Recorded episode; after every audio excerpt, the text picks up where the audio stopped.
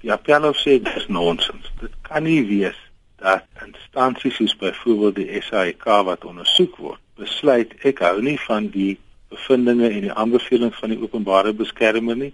Ek gaan nou myself ondersoek en besluit of daar enige watersteek in wat sy aanbeveel het. Die organisasie as hulle nie tevrede is met bevindinge wat sy gemaak het nie, moet daar op hersiening neem.